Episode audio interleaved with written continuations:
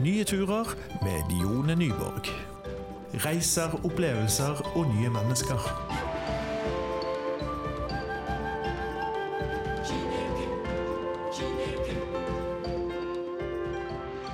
Ja, velkommen til en eh, ny episode med nye turer. Og eh, denne gangen skal vi ikke til et land som begynner på K. Eh, men vi skal til ei som bor et sted som begynner på K, nemlig Kabelvåg. Og der er du, Mali Røsseth. Og eh, Mali, hva tur skal du ta oss med på? Jeg tenker kanskje jeg kan ta dere med på en haiketur eh, jeg har opplevd i mai. Der jeg haika rundt i Europa. Og hvor begynte reisen din, da? Den starta her i Kabelvåg, og helt sør til Hellas, og så retur til Kabelvåg igjen. Ja, og eh, hvor mange var dere som haika nedover? Det var meg som haika. Så du haika alene? Jeg gjorde det. Ja. Jeg fungerer best sånn. En jente i 20-årene som haiker alene, er ikke det utrygt? Ja, det er jo det jeg får spørsmål om, da. Om jeg ikke var redd, eller om det ikke skjedde noe fælt, eller ja. Og det, jeg forstår jo at folk spør, og jeg forstår også at jeg sjøl kan være naiv til tider. Men uh, det jeg står igjen med, er jo bare positivt. En veldig stor og fin opplevelse som ikke var prega av frykt eller den slags. Jeg er jo glad i en eh, biltur, men, men eh, helt ned til Hellas eh, hvor, hvor lang tid brukte du på dette? Jeg har brukt 22 dager og 23 Nei, 27 land, tror jeg. Ja. Ja. Og hva må du tenke på når du skal legge ut på en haiketur? Man må tenke på at man har lyst til å bli kjent med folk. At man eh, orker å prate med folk. Og ja, være sosial, rett og slett. For det er veldig slitsomt sånn sett. Jeg alltid skulle ha en samtale i ja, dag etter dag. Og eh, hvordan er det når du starta i, i Kabelvåg? Hvor lang tid tok det før du eh, fikk haik? Første haik tok kanskje 10-15 minutter. Og sånn var det som regel gjennom hele reisen. Det var sjeldent at jeg måtte stå Ja, det meste sto jeg kanskje i en time. Og det var veldig sjeldent, da. Men hvordan er det når, du, eh, når, når kvelden kommer og, og du er trøtt, hvor, eh, hvor legger du deg inn? Da måtte jeg ty til litt forskjellige løsninger. Eh, Jeg så veldig ofte privat til folk jeg hadde haika med, eller at jeg rett og slett banka på døra til folk. Helst da før det var mørkt. Eh, Eller så brukte jeg en del couchsurfing, som jeg anbefaler på det sterkeste. Ja. Hva, er, hva er det for en tjeneste? Couchsurfing er et nettsamfunn med mennesker fra hele verden der man melder seg opp og kan der spørre etter overnattingssted eller tilby overnattingssted helt gratis. da. Og så får du referanser som du kan se på, og da sende melding til en person som ser OK, han ser grei ut, og så fikse Det ordner seg på under en time, eller ja. Det er helt fantastisk. Hvis vi snakker budsjett nå, hva, eh, hva brukte du eh, på denne treukersturen i Europa? Det var veldig lite, det. Jeg brukte jo ingenting på transport. Eneste transporten var fra Finland til Estland med båt. Ellers så brukte jeg ingenting på transport, nei. Men jeg brukte penger på mat, så klart. Men det er jo billigere enn i Norge som regel. Desto lenger sør man kommer. Og overnatting brukte jeg heller ikke noe særlig på. Det var noen netter at jeg så på hostell. Men det jo, kan man jo bo ganske billig. Ja, og hva Reiserutene, var det du som eh, avgjorde den, eller tenkte du at det eh, skulle være en del av eh, spenninga? Nei, jeg planla den på forhånd. Og, men så ble det jo Jeg la til noen land underveis, for det gikk litt raskere, den her haikinga, enn det jeg hadde sett for meg. Jeg trodde jeg hadde travelt, så jeg var veldig kjapp i starten, og så plutselig hadde jeg god tid. Så da fikk jeg noen land ekstra i sør. Og eh, Hvis du tar oss med på hele reisen ned til Hellas, hvor eh, var du innom? Da starta jeg jo da i Kabelvåg, over riksgrensen til Sverige og over til Finland, Estland, Latvia, Litauen, Polen, Slovakia, Ungarn, Romania, Bulgaria, Hellas, Makedonia, Albania, Montenegro eh, Montenegro, Kroatia Nei, Montenegro, Serbia, Bosnia, Kroatia, Slovenia, Italia, Sveits, Frankrike, Belgia, Luxembourg, Nederland, Tyskland, Danmark, Sverige, Norge. Det høres jo ut som en helt eh, vanvittig reise. Hva eh, husker du best ifra turen din? Det er jo noen fine episoder som jeg husker, der jeg møtte utrolig vennlige folk som gjorde absolutt alt for at jeg skulle komme trygt videre på reisa. Blant annet en uh, familie i, i, Bosnia, der jeg hadde nettopp vært eh, i Sarajevo. Og så skulle jeg da haike meg videre, og det var en bil som stoppa. Og etter en halvtime forsto jeg egentlig at den bilen ikke skulle i min retning i det hele tatt. Og så har han kjørt meg dit jeg skulle, da, men de hadde bare lørdag, de hadde fri, så de fant ut at de kunne ta seg en tur med meg.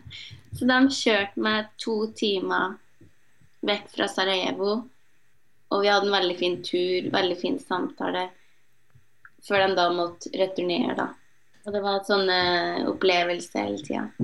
Det var folk som tok meg med inn i bilen, og vi forsto ikke hverandre. De forsto ikke hva jeg sa, jeg forsto ikke dem.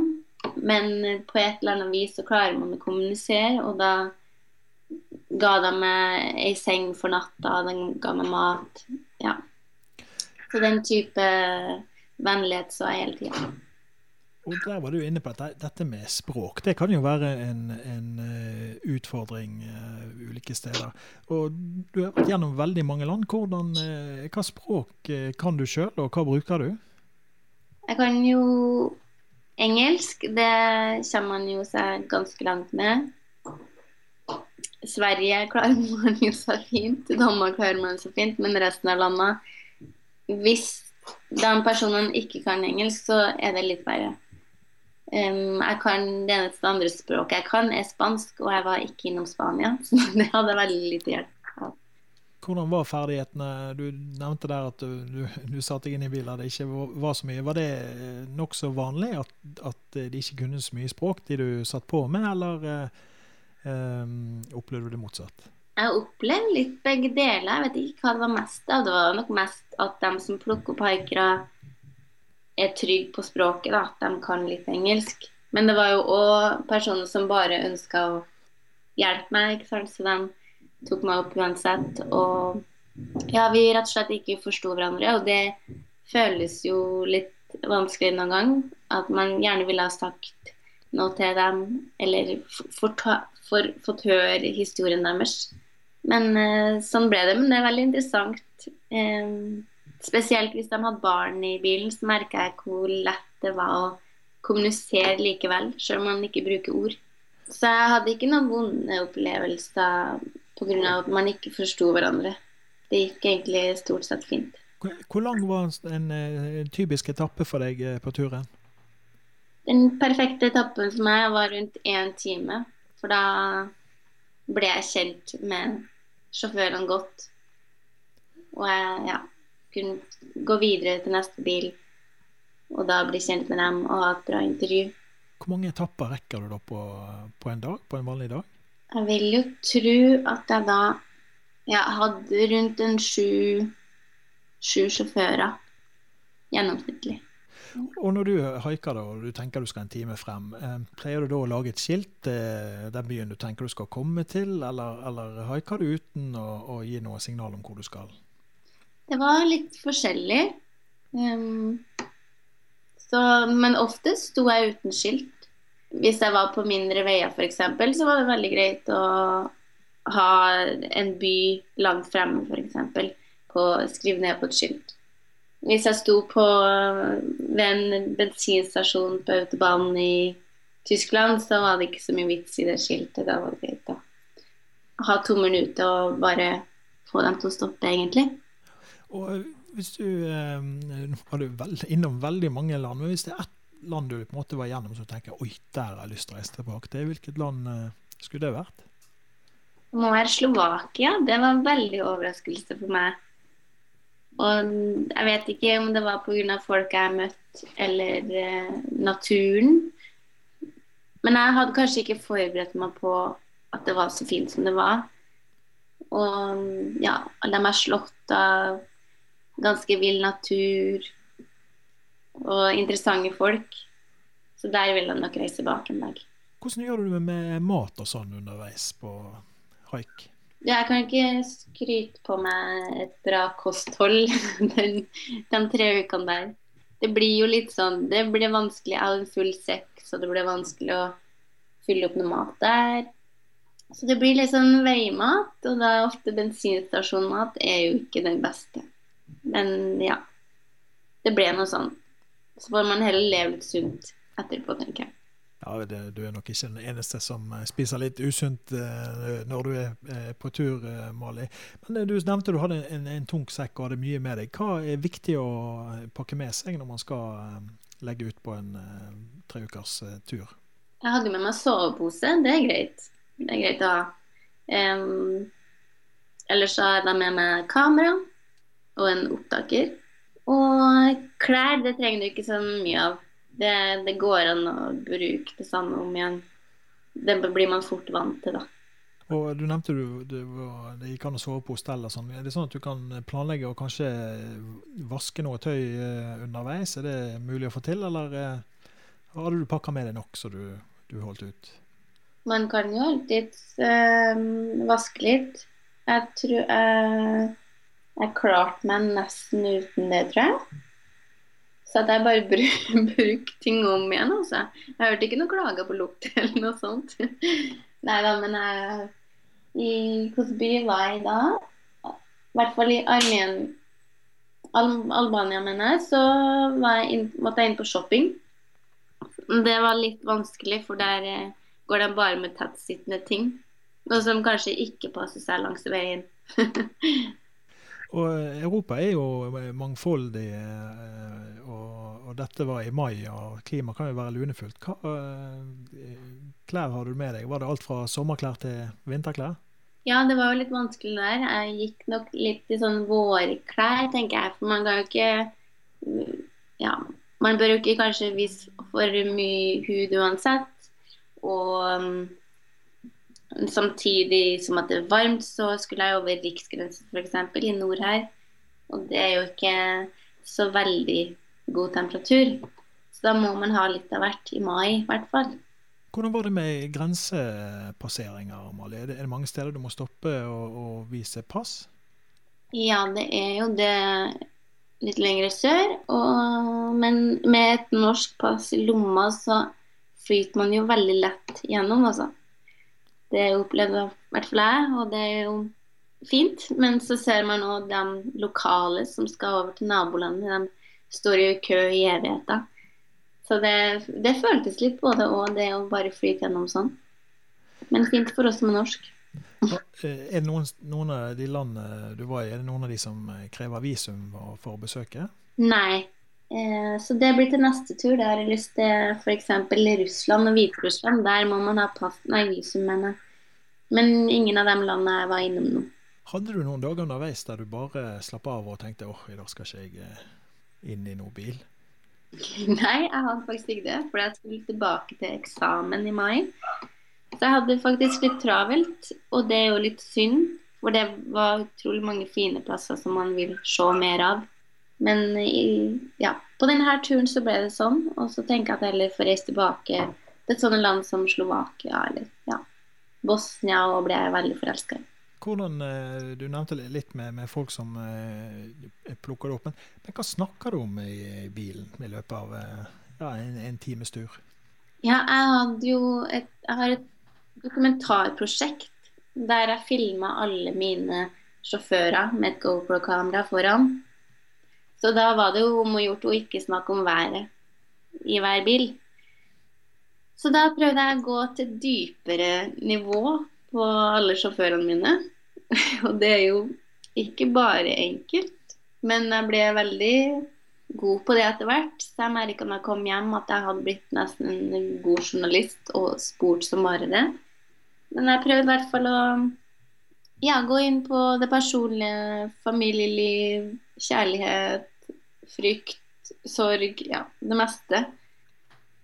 Det gjorde jeg. I, um, fram til Sør-Finland så gikk det ganske dårlig med denne intervjuinga mi. Jeg har tenkt herregud, det her går jo ikke bra. For folk var ikke så veldig åpne fram til da. Da hadde jeg sittet på med veldig mange lastebilsjåfører. Og så i Sør-Finland så møtte jeg endelig ei fantastisk dame som åpna seg for meg på og fortalte meg om det meste om henne sjøl. Og var, da tenkte jeg OK, nei, det er ikke umulig. Så videre, man møter folk som vil prate, og så møter man folk som bare har lyst til å hjelpe deg.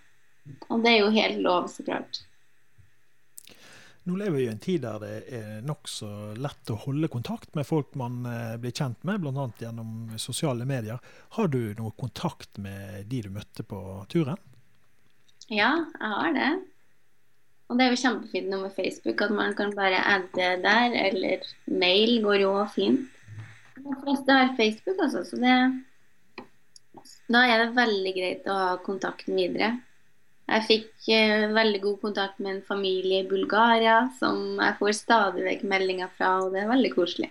Så flott. Um, hvordan uh, vil du beskrive stemningen uh, i de ulike landene? Det, går det an å si at det er forskjell på hvor man er? Nei, jeg vil egentlig ikke det. Når man sitter i en bil med under en meters avstand, så opplever man menneskene hvis man går utom bilen, så kanskje man føler Altså har en annen stemning, men akkurat i bilen så opplevde jeg mennesker, og menneskene Selv om alle har sin historie, sin, sine personlige verdier, så er det mye likt. Og jeg kunne føle at en mor i Romania var akkurat lik min egen mor så ja, så klart så opplever man litt kulturforskjell, men egentlig så er det kort avstand. I hvert fall i de europeiske landene jeg har vært innom nå. Og du, Mali, du forteller at du har et uh, dokumentarprosjekt på gang. Når uh, blir det mulig å få sett glimt fra turen din? Jeg håper det blir ferdig til jul. Jeg er jo filmstudent, så det blir litt redigering framover. Jeg vil tro jeg har over 200 timer med film. Så det er noe som skal ses gjennom. Noe som skal bort, og noe som må ta, tas vare på. Og eh, Skal dette bli en, en, film, eller blir det episoder, eller hvordan har du tenkt å bygge det opp?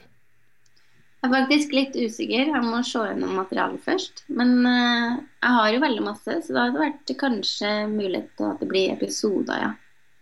Og Hva er det som har inspirert deg til å på en måte dokumentere turen din på, på denne måten? Jeg var og så ei utstilling i Oslo i fjor. Og den het uh, Oslo-Beirut. Det var en mann som haika. Og da hadde han fotografert. Og det var utrolig inspirerende for meg. Men det jeg savna, var å høre historien til folk. Og det er det som har rot i det her prosjektet, og vise mennesker på tvers av landegrenser og ja. Så det jeg har dokumentert, jeg håper det blir et bra produkt til slutt, da. Og eh, Når du reiser på tur og dokumenterer og sånn, det må jo gå en del eh, batteri og, og, og, sånn. Det må jo kreve litt strøm, dette her. Hvordan får du lada det underveis? Det er så enkelt i dag òg, at man finner ladestasjoner overalt. Men ellers så hadde jeg med meg nødladere. Kjøpte inn litt av det på forhånd, sjøl om jeg faktisk ikke brukte det så altfor masse. Men når man skal overnatte hjemme til folk eller på et hostell, så er det alltid noe støpsel å lade på. Så da går det faktisk bra, altså. Det er litt verre kanskje hvis man skal sove i telt eller lignende. Var dette den første haiketuren? Har du på en måte haika gjennom flere land, eller har du vært på haiking før?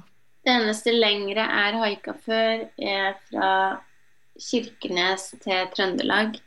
Det var, det var i 2013. Og det gikk jo veldig fint, det òg. Og hva er forskjellen på å haike Norge og på en måte haike eh, Europa rundt? Jeg synes faktisk ikke det er noe forskjell på det å Altså selve haikinga syns jeg er den samme uansett hvor jeg dro hen. Man hører jo folk si at nei, det er så vanskelig å haike i Norge, man får ikke haike. Men det tror jeg kanskje litt individuelt hvor heldig man er.